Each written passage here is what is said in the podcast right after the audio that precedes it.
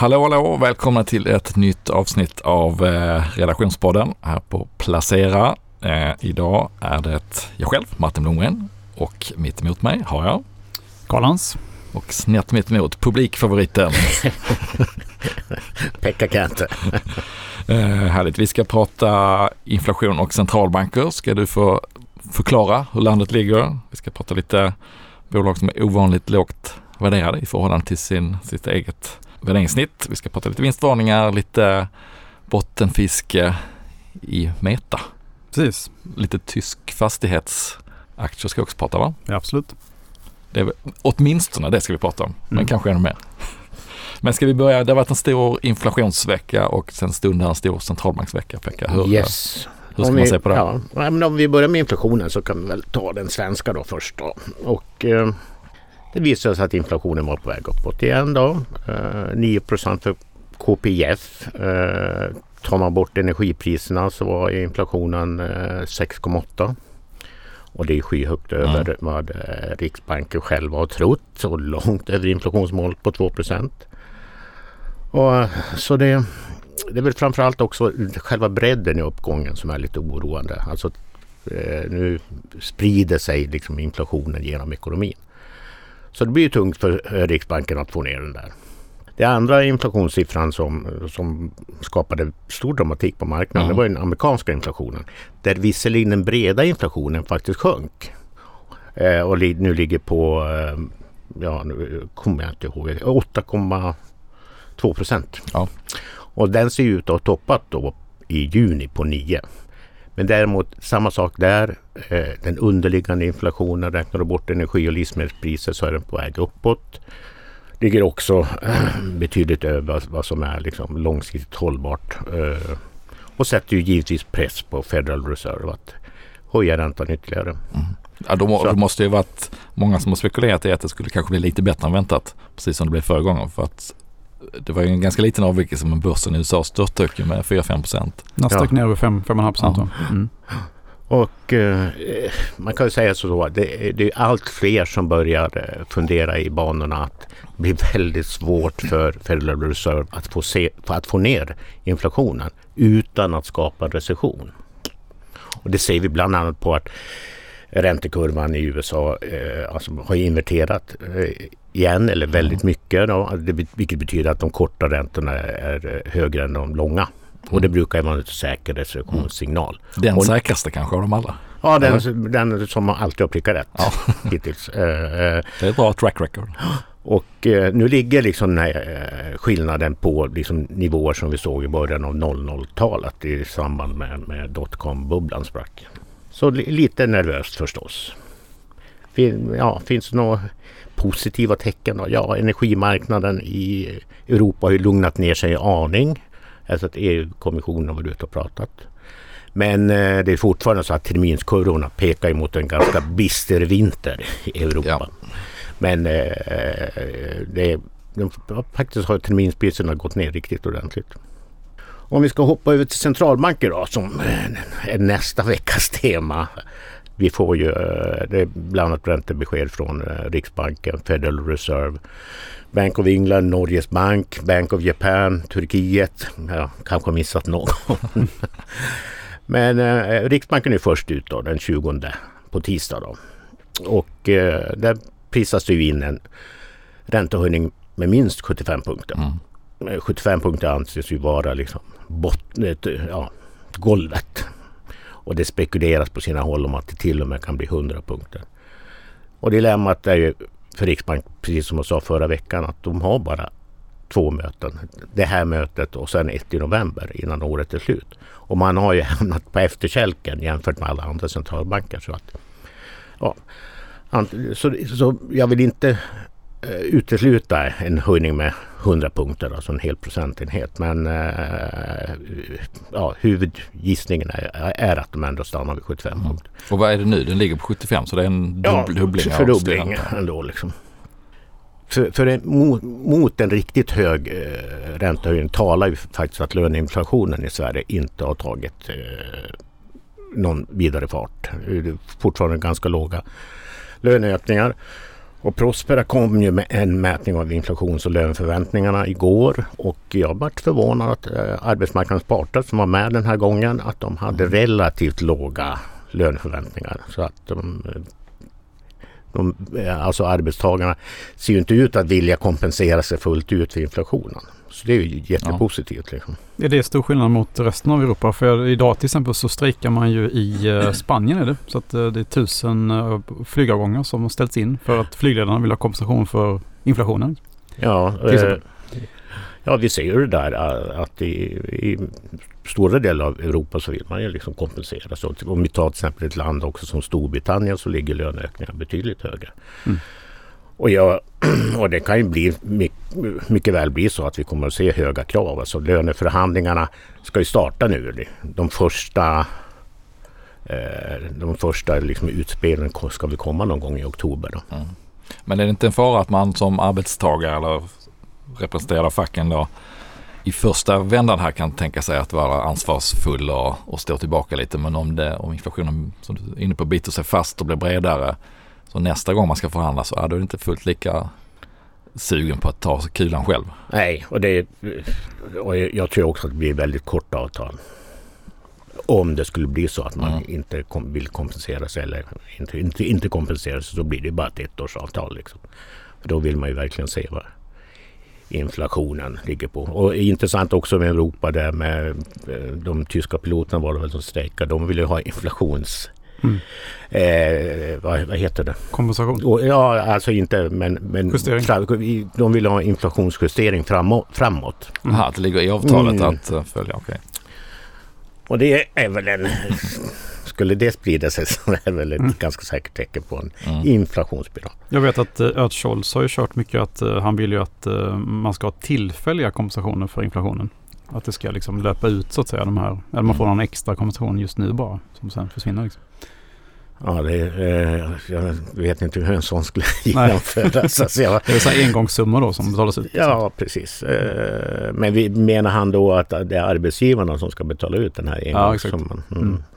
Ja, För att det eh, inte... ska bita sig fast då liksom. Ja, ja, ja, det kan ju vara en smart lösning men eh, som sagt jag tror att det blir nog ganska svårt att genomföra. Mm. Men det som marknaden fokuserar på det är givetvis Federal Reserves besked som kommer på onsdagen. Då. Och eh, där prisas det också in 75 punkter då, höjning eh, med en viss risk för att det kan bli en hel procentenhet även där. Eh, men det är väl huvudgissningen att de stannar vid 0,75 då. Mm. Det som jag tycker är inte, minst lika intressant som ränt, hur mycket de höjer räntan det är att de här olika ledamöterna i den här räntesättande kommittén FOMC ska lämna nya prognoser för vad de tror om räntan framöver. Och det tror jag kan påverka väldigt mycket. Mm. Är det Hur? the dot plot? Det är dot plot ja. Den legendariska. Eh, och förra gången så trodde de väl att, eh, att räntan kanske skulle toppa på 3,5 procent i år och eh, st- strax, ja, runt 4 nästa år. Då. Mm.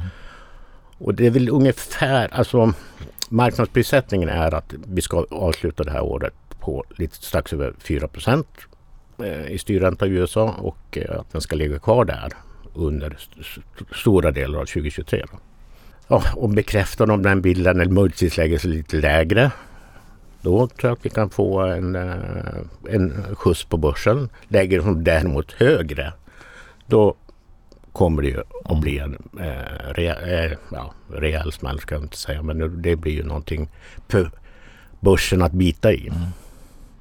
Och övriga, eh, Norges Bank och Bank of England de kommer eh, sen den 22 september och där kommer väl bli eh, 75 punkter från bägge två skulle jag tro. Och eh, och som ni förstår av- det jag säger är att Riksbanken halkar liksom efter ordentligt. Eh, så att jag skulle inte utesluta att man lägger in ett extra möte i, i oktober. Eh, Att man redan nu flaggar för det i så fall att eh, Ja, det skulle vara lämpligt att, Ja. lägga, eh, att flagga i samband med, med beskedet. istället för att det kommer och framstå som panikartat om de väl behöver göra det sen då. Ja, precis. Men eh, på tal om räntor, jag såg också att den här eh, amerikanska boräntorna som är 30, som ofta är väldigt långa. Den här 30-åriga boräntan hade då för första gången sedan 2008 gått över 6 procent. Och den var väl för eh, ja, ett och ett halvt, två år sedan låg den på 3 procent. Mm. det är en annan, de har en ty, annan typ av räntekultur där i, i just boräntor men eh, det säger också någonting om att det är rätt så hög. 6 procent är ju inte helt uh, lättsmält om man ska köpa ett nytt hus där. Nej, verkligen inte. Och, eh, och som sagt nu, nu kan ju amerikanska hushåll så att säga, lägga om även sina långa bolånekontrakt. Liksom. Men, men eh, nu är det ju ingen som vill göra det. Och som sagt var de nya bostadsköparna de kommer in på den här nivån. Liksom. Så eh, som jag har ju tidigare också sagt det att jag, jag tror att fastighetsmarknaden är någonting man verkligen ska hålla koll på. Och bara, utifrån eh, vad man tror om konjunkturen. Alltså det gäller inte bara USA utan det gäller ju liksom stora delar av Europa också. Mm. Ja, vi pratade ju förra veckan om att eh, vinstvarningssäsongen borde närma sig och eh, det har den, ju, den har ju dykt upp med besked den här veckan. Jag tror det var redan i söndags då som Electrolux började och kom ut med ett sparprogram och en vinstvarning och pratade om att efterfrågan gått ner rätt så kraftigt i andra kvartalet eller tredje kvartalet jämfört med takten i andra. Och så har vi haft Thule och Mips som båda är kopplat till cykelmarknaden och liksom höga lager hos återförsäljarna av cyklar. Och eh, Duroc, lite industri och handelskonglomerat kom igår kväll. Essity kommer någon slags vinstvarning får man väl säga. De, de pekar på att el och gaspriserna har skenat under tredje kvartalet och att de då måste gå ut med nya prishöjningar, energipristillägg.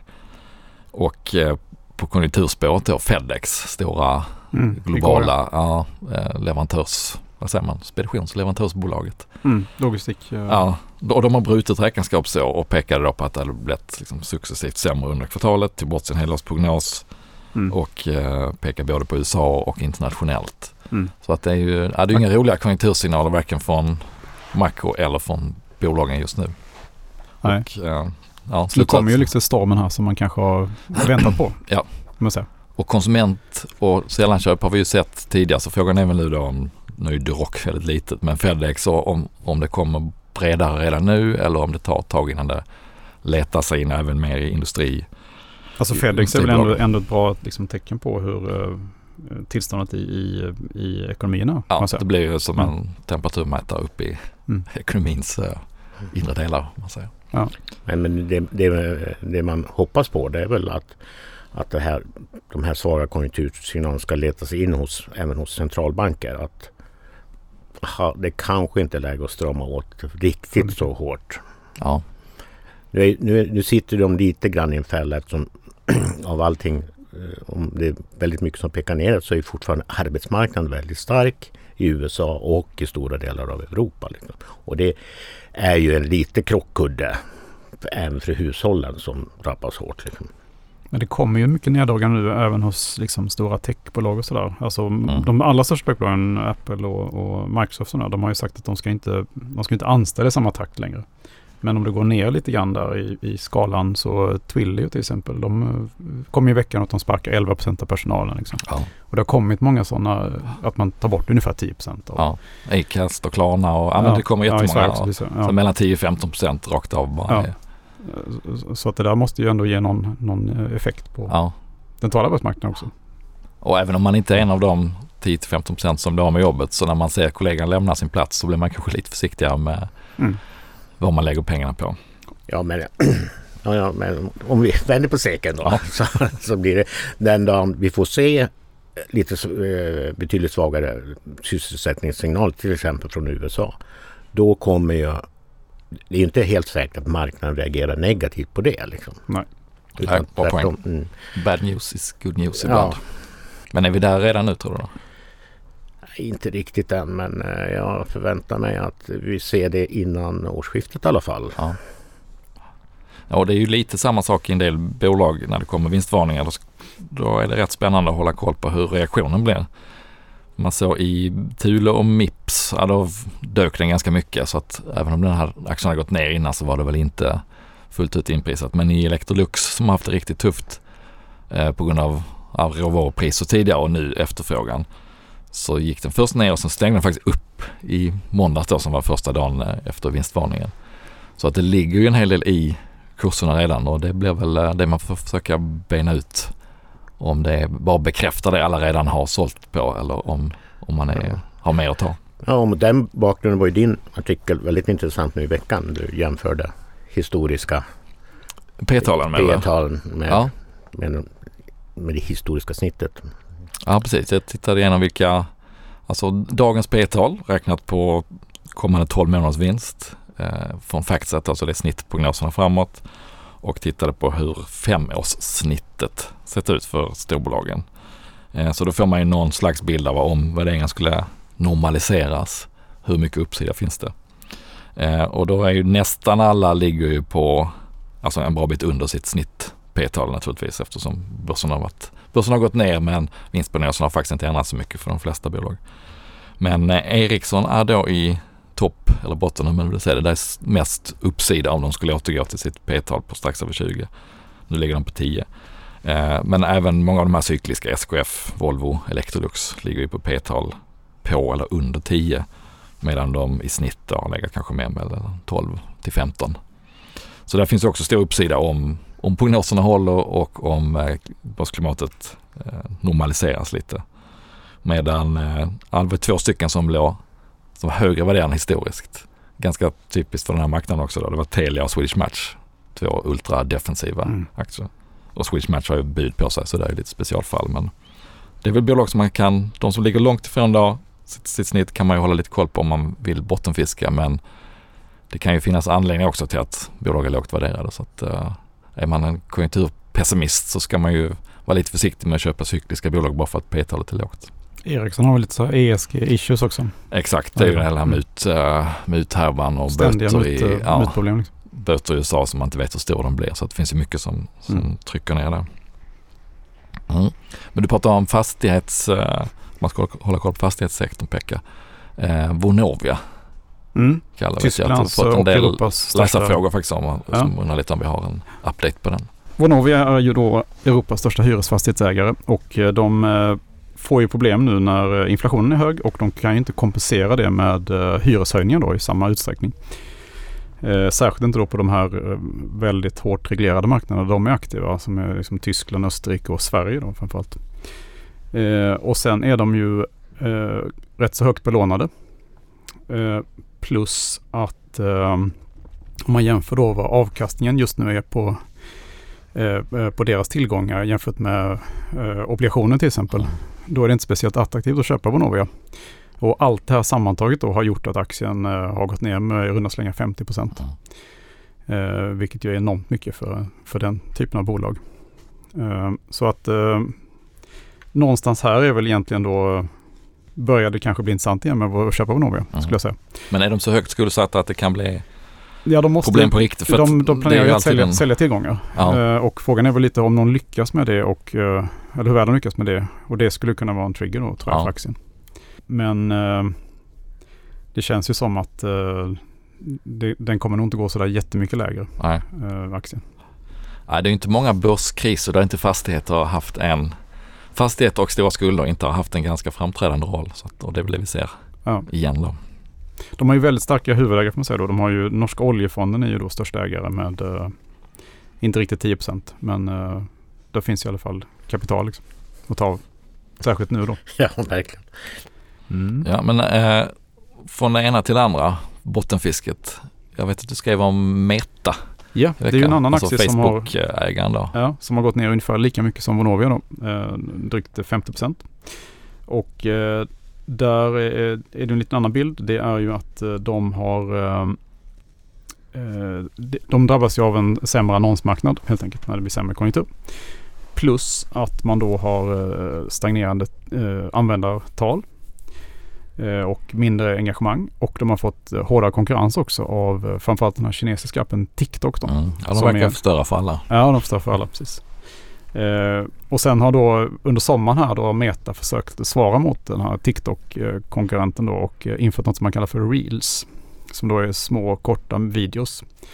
Men problemet med de här Reelsen är att eh, dels att de gamla användarna, eh, sådana som du och jag kanske, vi gillar inte de här Reelsen. Nej. Så att då slutar vi använda. Instagram lite grann. Ja. För vi tycker det är jobbigt. Eh, och det andra problemet är att eh, det är inte samma annonspengar i Reels som det är i det traditionella Instagram. Då. Så att det tar tid att utveckla nya annonskoncept för det här. Eh. Och sen, för, bara för att flika in, sen verkar det också som att många av de här klippen kommer ju från TikTok tidigare och ja. sen är inlagda på, ja. på Instagram. Så man får ju också känslan av att man är liksom sist på bollen. Ja. Om man inte redan hade den känslan då. ja, visst.